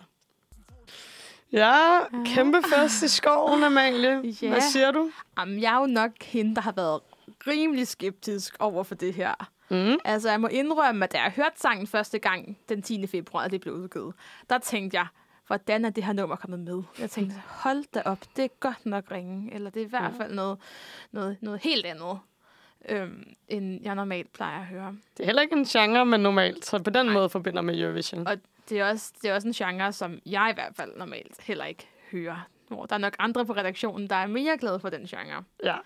Men jeg vil faktisk sige, at jeg er blevet en lille smule op for det. Du er, ja. blevet noget op for det. Jeg tror, mit problem ligger nok mest i omkvædet. Ja. Fordi jeg synes, det, der er ikke nok hookline i det. Jeg hvad, synes, hvad for noget? Når de synger rave med de hårde drenge. Hookline? Altså, du ved, altså noget, man, en melodilinje, man husker. Ah. Ja. ja. Det, det synes jeg, der mangler. Mm. Men det, jeg godt kan lide, det er versene og, og bassen i versene. Og sådan, altså, ja, den, sådan, det, det tempo, der er. Og sådan, hvor det, det kunne man godt se sig selv på flor til. Mm. Jeg bliver også mindet om sådan noget uns, uns og sådan noget. sådan den type musik, sådan pattesutter og sådan noget. Ja. Altså meget sådan, ja, sådan noget, ja, ja hans musik. Ja, men det, altså, jeg tror ja. også, at det er lidt øh, den genre, man skulle mm. vil lægge med, hvis man skulle sammenligne med, med almindelig øh, altså, dansk rapmusik, hvor at, øh, ja, der er også et Marvelous Musel over det. Øh, der er noget med nogle, mm. altså sådan, de, de rapper om nogle grinerne ting, der er rigtig, rigtig meget humor i deres, øh, i deres mm. sange. Det, nogle af deres andre, andre sange handler sådan noget om... Øh, der er en af dem, øh, hedder, hedder Vandtæt, som handler om, at, at øh, pigerne ikke skal behandle dem ja. som objekter, når de står på scenen. og, øh, Grineren. Ja, altså, de har bare meget humor i deres musik, og det er nok også derfor, jeg er rigtig øh, glad for dem. Og så, øh, jeg synes, det er mega catchy og, og, og meget mig. Og så tror jeg bare, jeg kan godt lide deres vibe. Jeg kan godt lide, at når jeg ved, når de kommer ind på scenen, så kommer de til at give fuld energi. Som om, at det er den største scene, de nogensinde har været på. Og det er det jo også. Men, men, men i det hele taget, så tror jeg, at nogen, der giver fuld energi til hver koncert. Og det synes mm. jeg, der er noget smukt over. Der er noget smukt over, at de bare gerne vil give Danmark en rigtig god oplevelse. Mm, jeg kan men, også godt se fidusen i, at de vinder. Ja, det kan jeg også sagtens. Og jeg synes, mm. at der er Altså, jeg er jo også typen, der, der altid stemmer på dem, der skiller sig lidt ud. Hvis jeg synes, det er godt selvfølgelig, mm. så synes jeg altid, at dem, der øh, er nicheagtige i Eurovision, de skal have min ja. stemme. Ja. Men altså, jeg kan, sådan, altså, jeg kan være meget i tvivl om, altså, om herre fra Danmark vil stemme på det her. Altså sådan, for der er jo også mange rundt omkring i landet, der ser Dansk Melodi på lørdag aften. Mm. Og er det, er det det her, de stemmer på? Altså. Ja, og det, der tror jeg, der er nogen, der vil style på versene. Yeah. Øhm, yeah. Og, øh, og simpelthen, ja, og det hele, og bassen, mm. og det hele, og synes, at det, det er simpelthen noget, bare noget larm. Jeg ved, at mine egne forældre nok vil øh, mm. slukke for det. Mm. Ja, det vil jeg jo nok også på nogle punkter ja. gøre. Altså, ja. Ja, altså så alligevel, så tror jeg, at det er nogen, hvis de så går videre, så tror jeg, at de kører en fyr og flamme, hvor man bare sådan, Danmark ligesom åbner deres hjerter mm. for dem, og det bare bliver Danmarks drenge i Italien. Mm. Øhm, ja, jeg kunne blive ved med at snakke om Full Effect, men det er også øh, lidt en unfair stemme, de har fra, fra os, fordi vi jo nu har dem som venner af programmet, og har mødt dem, og, og, og ligesom har lært dem lidt at kende som musikere. Men øh, skøn sang, og jeg tror, den kommer til at give en rigtig god fed kontrast til nogle af de øh, stille sange. Øh, for så lidt gang, gang i festen i Herlev, øh, i et Eurovision mm. eller det Dansk Melodi Grand Prix, der nogle gange godt kan blive lidt flat. Ja, de er nogle af dem, der tør gøre noget i år. Altså, Ja. det er noget af det eneste, som, som sparker lidt til konceptet og, og har nogle visioner og, og vil et eller andet. For der er rigtig mange af de her bidragfølgere, som ikke vil noget, som bare Ja, er middle of the road P4. Altså, noget glemt i morgen. præcis. Og det er det her jo ikke. Nej, de er fuldstændig deres egne, og de øh, fortalte, at de havde brugt... Altså, at øh, det her, altså, de har gjort sindssygt meget ud af sceneshowet, og deres øh, outfits, og... Jeg, jeg tror bare, de, de, de vil bare rigtig gerne vise, hvem de er som band. Og så tror jeg også, det er en fordel for dem, at de har spillet sammen rigtig mange år, Mm. og kender hinanden så godt, som de gør, ikke? De, de skal også, altså, de skal også, altså, jeg håber at også deres personlighed kommer til at skinne igennem, også i showet og i deres postkort og sådan noget. Altså, at man også, altså, kan se, at nogle griner personer. Mm, det håber jeg nemlig også, fordi det var, Mm. mm. altså... Ja, det er helt sikkert deres, øh, deres øh, force. Ja, det skal de også vinde på. Det er deres person. Ja. Ja. No. Men fra nogen, som vi helt klart husker, til nogen, som jeg har haft lidt sværere ved at huske, faktisk. Det er Josie Eleanor og Jake Warren, tror jeg, man siger. Mm. Og øh, de stiller op med sangen Let Me Go. Og det er en duet. Og øh, ham her, Jack, han fik sangen tilbudt. Og han øh, sagde, det ville han gerne, men så ville han gerne synge sammen med hende her, hende her øh, Josie. Og jeg tænker bare, at vi skal høre lidt af den. Ja, og det kan godt være, at vi måske lidt glemmer, at den er her, men den er faktisk virkelig god, den her sang. Ja. Og hver gang jeg hører den, tænker jeg, nå ja, den var faktisk rigtig god. Mm. Og så, jeg tror måske også, en af grunden til, at man lidt kommer til at glemme dem, er, at, de ikke er så kendte, der er ikke så meget at sige om dem, vi kender ikke så meget til dem. Men den, den er faktisk altså sådan ægte god, og sådan Mm. har både en hookline i omkvædet, og en, øhm, en god vers, og sådan en lille sådan, sådan en fin guitarproduktion. Ja, altså jeg synes øh, også, det var sådan en, der skulle have tid. Mm. Men sådan, sådan jeg, blev, jeg blev faktisk ret fanget af den, og jeg synes, deres stemmer er enormt gode. Nu skal vi selvfølgelig lige høre dem live. Mm. Men det er godt produceret. det er det. Godt lavet. Det kunne godt være en lille dark horse, faktisk. Ja. Altså, Det kunne det godt. Altså, det kommer helt an, øh, an på, som vi snakkede om før. Altså, kan vi, se, kan vi få lidt sympati med deres person? Ja. Har, kan vi se dem? Fylder Altså, de på scenen? Mm. Ja, det er nemlig rigtig vigtigt. så vigtigt. Men der er mange, der glemmer, hvor vigtigt det egentlig er. Ja, fuldstændig. Og sådan, det er, så, så det er jo en mega god sang, så hvis de laver et show, der er tilsvarende, de kommer i hvert fald nok derop af. Ja, hvis de brænder igennem, ja. Jeg tror også, nu snakkede vi om, at fuld effekt måske kan have lidt svært ved at få fat i her fra Danmark. Det her kunne godt være noget, som kunne appellere til her fra Danmark. Ja. Altså, Og som også kunne appellere til dem, der gerne vil være strategisk og stemme på noget, der er godt internationalt. Ikke? ja, ja, Ja. præcis. Og nu kan man sige, nu havde vi jo rocksangen med Måneskin, der vandt sidste år. Og mange rockudtryk, eller sådan optempo-udtryk. Der kunne det måske være fint nok at stille op med noget, der mm. Er lidt mere tilbagelænet. Helt sikkert, det er et godt bud i hvert fald. Nå, øhm, så til, til endnu en uh, MGP, uh, tidligere MGP, Darling, Morten Philipsen, uh, som stiller op med Happy Go Lucky. Og ja, uh, så, uh, så stillede han jo op uh, i Børne-MGP i 2002 med sangen Du er ikke som de andre piger, som han blev nummer to i. Yeah. Og hvorfor blev han nummer to, Amalie? Det gjorde han, fordi at sangen Kickflipper med græs, den altså vandt. Ja, den kan man sgu ikke slå. Og Altså. det, jeg synes faktisk, at filmen var bedre. Ej, men altså, han var også så sød. Han sad der på sin ja. lille taburet med sin guitar, og vi var meget bløde i knæene ellers. Ja. Teenager på det tidspunkt.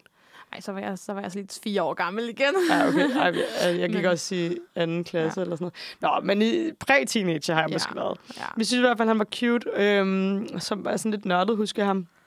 Øhm, nu er han en, en babe. Altså, han er Mhm. mm-hmm. sindssygt flot. Øhm, men, øhm, men har altså ikke lavet... Jo, okay, det, nu skal vi selvfølgelig høre sangen. Men øhm, det er ikke nogen hemmelighed, at vi alle sammen havde ret høje forventninger. Ja, vi virkelig. Tænkte, han kommer Altså. ind og vinder det her. Og et af de navne, vi virkelig sådan tænkte, var sådan lidt excited over, skulle mm. Være med. Fordi det er tit, der er nogen, der er sådan, oh, dem ved vi ikke, hvem er. Men det her, det er jo i hvert fald, det er jo et ikon for vores generation. er fuldstændig kæmpe ikon, ikke? Ja, altså, jeg hører den tit til fester, jo ikke som de andre piger. Altså, mm, den det- er jo virkelig stor. Det er en anden tro på os to, ikke? Det er, Ja, ja. ja. Det er Annie, og så det er den, og Arabiens Strøm Mm. Okay, klipper. Kickflipper. Det er jo sådan Ja. de største. Det er de allerstørste. Ja, øhm, Morten Philipsen, han har ikke lavet så meget musik, øh, men som man ser i hvert fald. Øh, han lavede lige nogle sange lige efter. Altså, det er sikkert eller sådan noget, en julesang, eller sådan. Det laver de altid, MGP-stjernerne. det er rigtigt. Men, øh, men altså ikke rigtig noget, man kender. Så, øh, så han er altså kommet her pludseligt i øh, hans øh, voksne MGP. Og lad os høre lidt af øh, Happy Go Lucky med Morten Philipsen. Ja, en øh, lidt, hvad kan man kalde det, øh, naiv øh, tone. Eller sådan, man kan sige, der er sådan meget Happy Go Lucky. Det er meget sådan, øh, jeg kører der ud af, alt går godt, øh, der er ingen Ja. problemer. Snakkede lige om, måske det vil være en lidt for hård kontrast til øh, de virkeligheder, der er ude i Europa lige nu. Ja. Jeg vil også, det tror jeg, du har helt ret i. Ja. Også meget igen den der P4-lyd. Ja, Den der sådan, nu hygger vi os lige. Ja. Det er meget sådan noget min forældres generation, tror jeg. Altså sådan noget, Ja. ja, du ved, i 80'erne, hvor man bare gerne ville have glade sange, og der ikke mm. rigtig var nogen problemer, og hvis der mm. var nogen, så skulle man nok i hvert fald male byen rød, som Birte Kjær, ikke? Altså sådan, Jo, ja. altså jeg vil sige, at vi havde jo, som vi snakkede om, rigtig høje forventninger til Morten Philipsen. Mm. Og jeg vil sige, da jeg hørte den her sang første gang, der blev jeg godt nok skuffet. Jeg var sådan, altså, jeg synes virkelig, den var, ja, intet scene. Mm. Og, ja, lidt cringe. Øh, men når man så hører den og hørt nogle gange, så er den, så er den okay. Altså, Ja, jeg synes også, den vokser. Ja, den vokser. Men man kan sige, hvis Morten Philipsen han skal klare sig på lørdag, så skal han nok også øh, altså, satse lidt på stemmer fra alle dem fra vores generation, Ja, som kan huske ham ja, det skal han fra nok. MGP. Og så folk, der synes, at han er meget flot, fordi en Ja. objektiv skønhed, vil jeg kalde ham. Ja, det vil jeg godt kunne være med på. Ja, Ja. Men problemet er jo, altså stemmer dem fra vores generation til dansk musik? ja det gør de nok ikke. Eller jo, lige, der er lige os måske, men ja, altså... ja, altså. Ja. Jeg synes i hvert fald, når man snakker med folk, der er ikke mange, der skal se det på lørdag. Nej, det er der ikke. Desværre. Nej. Altså, det, det, ja, det er jo en helt anden snak, men det kunne være fedt, hvis vi kom derhen, hvor det skulle folk. Mm. Ja. Nå, men til et øhm, nyt navn fra en mere etableret baggrund. Øh, Ready er næste bidrag med sangen The Show. Og Ready er en øh, pigegruppe, som er blevet sat sammen til lejligheden af Chief One. Og så trommeslægeren Ihan Haider, der er kendt fra Liga, og som også var trommeslager for, for Suluna Samai. Øhm, som ligesom har haft den her ambition om at lave et pige power punk pop bands. Og det er så Ready. Halv svensk, halv dansk, der er resultatet af det. Øhm. Og ja, jeg har faktisk hørt lidt rygter om, at den her sang skulle være lidt en skuffesang, som skulle have ligget i skuffen hos G1 i en, i en del år. Nå, Ja. okay så. Men ja, det kan være noget, han har, han har, han har brygget på i lidt tid. Mm. Men ja, jeg synes, vi skal, vi skal høre lidt af The Show. Den kommer her. Ja, en sang, der er halvt ballade og halvt punk-pop-nummer. Og faktisk den sang, jeg bedst kunne lide, da jeg hørte sangen første gang. Mm. Det var den her festnet mig ved. Ja. Jeg er også ret glad for sådan noget pige-punk. Det synes jeg, det synes jeg kan noget. Det synes jeg også. Jeg synes også, det er, det er en ret god sang. Altså sådan, Mm. øhm, ja. selvom den har ligget i nogle år. Så altså, den, den, er, den, den har noget over sig. Ja. Jeg vil også sige, jeg, og jeg synes det er klart, det, det er en contender. Og det, jeg synes ikke, det er en fantastisk sang, men jeg synes, den har noget at byde på. Mm. Og jeg synes ikke, det vil, det vil ikke være et dumt bud at sende til Torino. Jeg synes nogle gange, punk kan blive lidt cringe. Ja. Så jeg er lidt spændt på, hvad, altså, jeg tror ikke, jeg tager det, altså, jeg, jeg, jeg, kan ikke rigtig tage det seriøst, hvis de kommer med alle mulige hullede sokker og Ja. total, øh, ja, hvad er det, nuller-punk-agtigt, nuller-emo-agtigt Ja, det punk. er, jo, det er jo det der totalt tilbage. Ja, Og man, jeg synes også, at den punk skal finde sin 2020'er-form, ja, og ikke bare blive citat af nullerne. nej, nej, nej. Så det er meget spændende, hvordan de ligesom stiller det op. Mm. Nå. Øhm, sidste person i gruppen, det er Junker. Han har sangen øh, Kommet for at blive. Og øh, Christian Junker har, øh, er et etableret musiknavn. Øh, det er ikke, jeg tror ikke, der er sådan overdrevet mange, der kender ham, men han er etableret. Og han har udgivet musik, øh, meget musik før. Han har en Wikipedia-side, ligesom Patrick Dorkan. øhm, og øh, en sang, man måske kender, det er den, der hedder Mogens og Karen. Og så den sang, som hedder Havana, som alle, der har set kurs mod fjerne kyster nok har hørt. Fordi det er den her sang, der handler om, at øh, Havana øh, altså sådan, sejler forbi, øh, hvad hedder det der, øh, Kronborg og sådan nogle ting. Ja. Så øh, ja, øh, han har lidt en Peter Sommer-agtig vibe. Øh, det er sådan hyggemusik, øh, meget øh, god guitar og klassisk dansk. Det er det, jeg vil sige indtil videre. Ja, øh, Junker med Kommet for at blive, og jeg synes faktisk, altså, da jeg hørte den, så, så ligesom du øh, bedst kunne lide Ready, mm. så tror jeg, jeg bedst kan lide den her øh, øh, til at starte med. Ja, ej, Der det er var- sjovt. Der var jeg meget sådan, fordi det her, det er jo, hvor at, øh, at Fuld Effekt også er meget øh, min stil på nogle punkter, fordi jeg elsker dansk rapmusik, så tror jeg, at det her, det er noget af det me- musik, jeg hører mest, altså den genre, jeg hører mest. Jeg er meget sådan, øh, Nikolaj Nørlund, øh, hvad hedder han, Peter Sommer, øh, det er meget mig, sådan noget musik. Øh, Lidt For- tung. Altså, Ja. ja. mandlig. lidt, lidt tungt og lidt råt, og lidt øh, og meget sådan, øh, øh, sådan poetiske tekster, men sådan øh, nede på jorden poesi, vil jeg kalde det. Og hvor teksten måske vejer meget Ja. i, i nummeret. Ja, netop. Altså, jeg er typen, der står øh, på øh, allerførste række til Peter Sommer, når, de, når han har spillet på festivaler, og som kigger op på ham og nærmest øh, får tårer i øjnene ved hver sang, fordi hele min, øh, min ungdom ligger i hans sange, kan jeg mærke. Og når, når de viser det, så, så bliver jeg fanget af det, og, og, og noget af den her tekst, den kan lidt det samme, synes jeg, mm. hvis man lytter til det. Man bliver sådan... Man ser sig selv i teksten, synes jeg. Ja. Så, så på den måde, øh, objektivt, der vil han nok være min yndlings. Øhm, jeg, jeg er ikke så sikker på, at han fungerer super godt i en Eurovision-sammenhæng. Nej, jeg vil nok også sige, at er lidt forkert forum. Ja. Og især det, man så skal lukke showet, der vil man nok godt have haft lidt mere en partybanger. Ja, de lukker altså, med to stillelser. Eller de åbner og, Ja. og lukker med stillesangen. Ja, det er også lidt specielt, synes jeg. Ja, Lidt underligt. Altså, ja, ej, den fænger ikke rigtig mig. Nej. Det kunne jeg heller ikke forestille mig. Der mangler lidt et omkvæd, vil jeg Ja. også sige. Og, ja. oh, men jeg synes, han, han er en dygtig musiker. Og ja, jeg glæder mig til at se ham live. Det gør jeg. ja.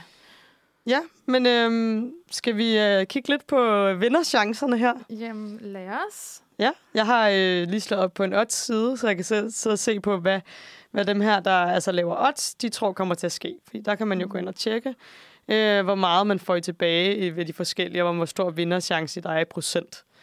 Øhm, for lige at tage dem øh, for en ende af, så kan jeg sige, at, der er, at øh, Confessions har 34 procent chance for at vinde.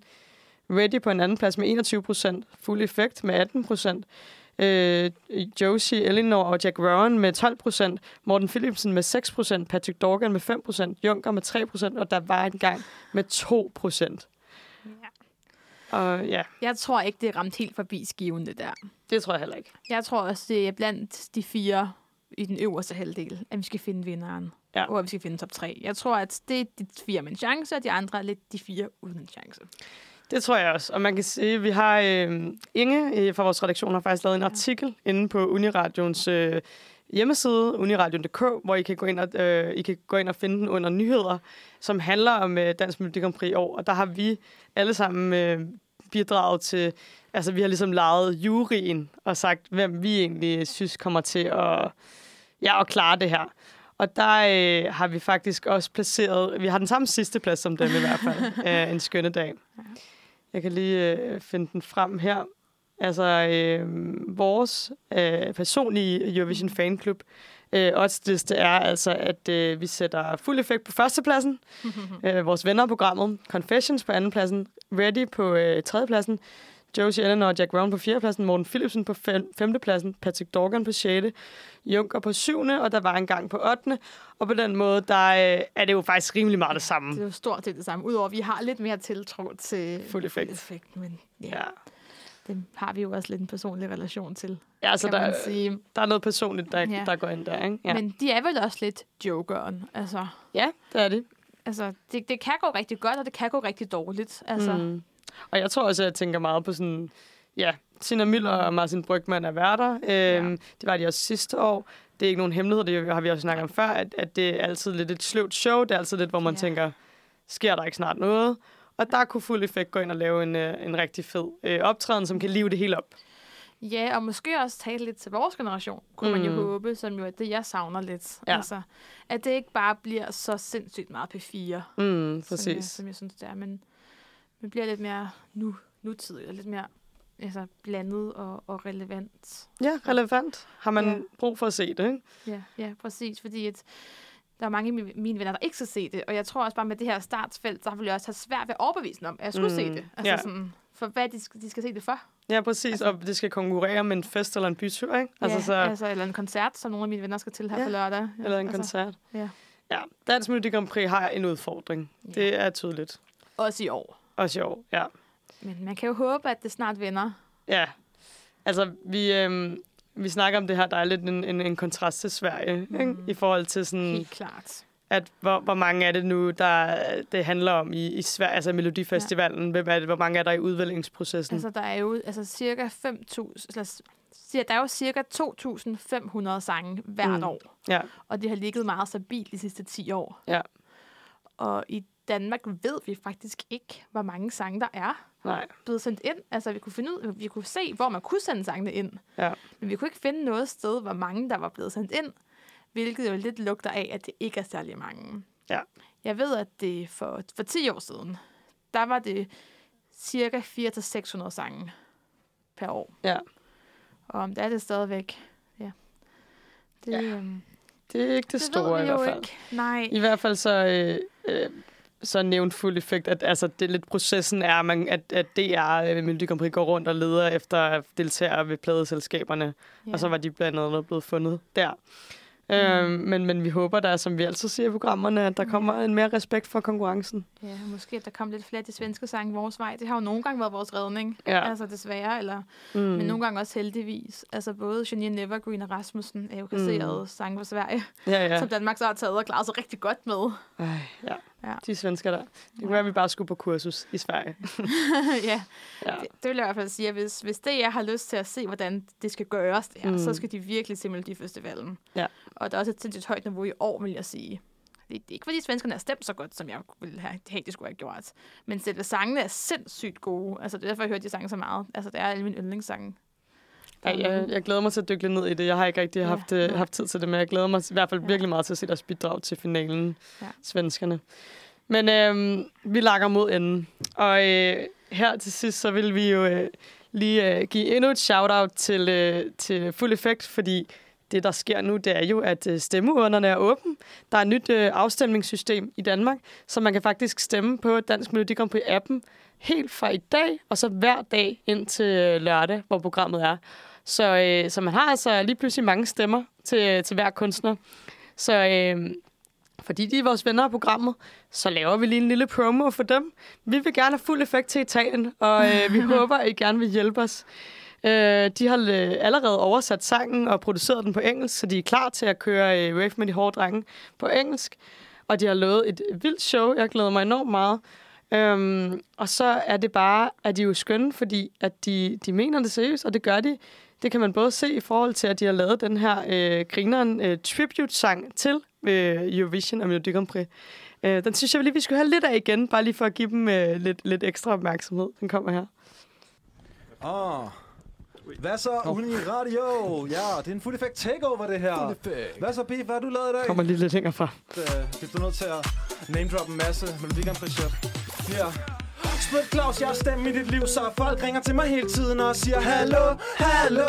Men jeg har ikke tid til at snakke, for jeg skal i radio. Lægger på at tage en tur ind til det studio. Er det mikrofon på? Okay, så let's go.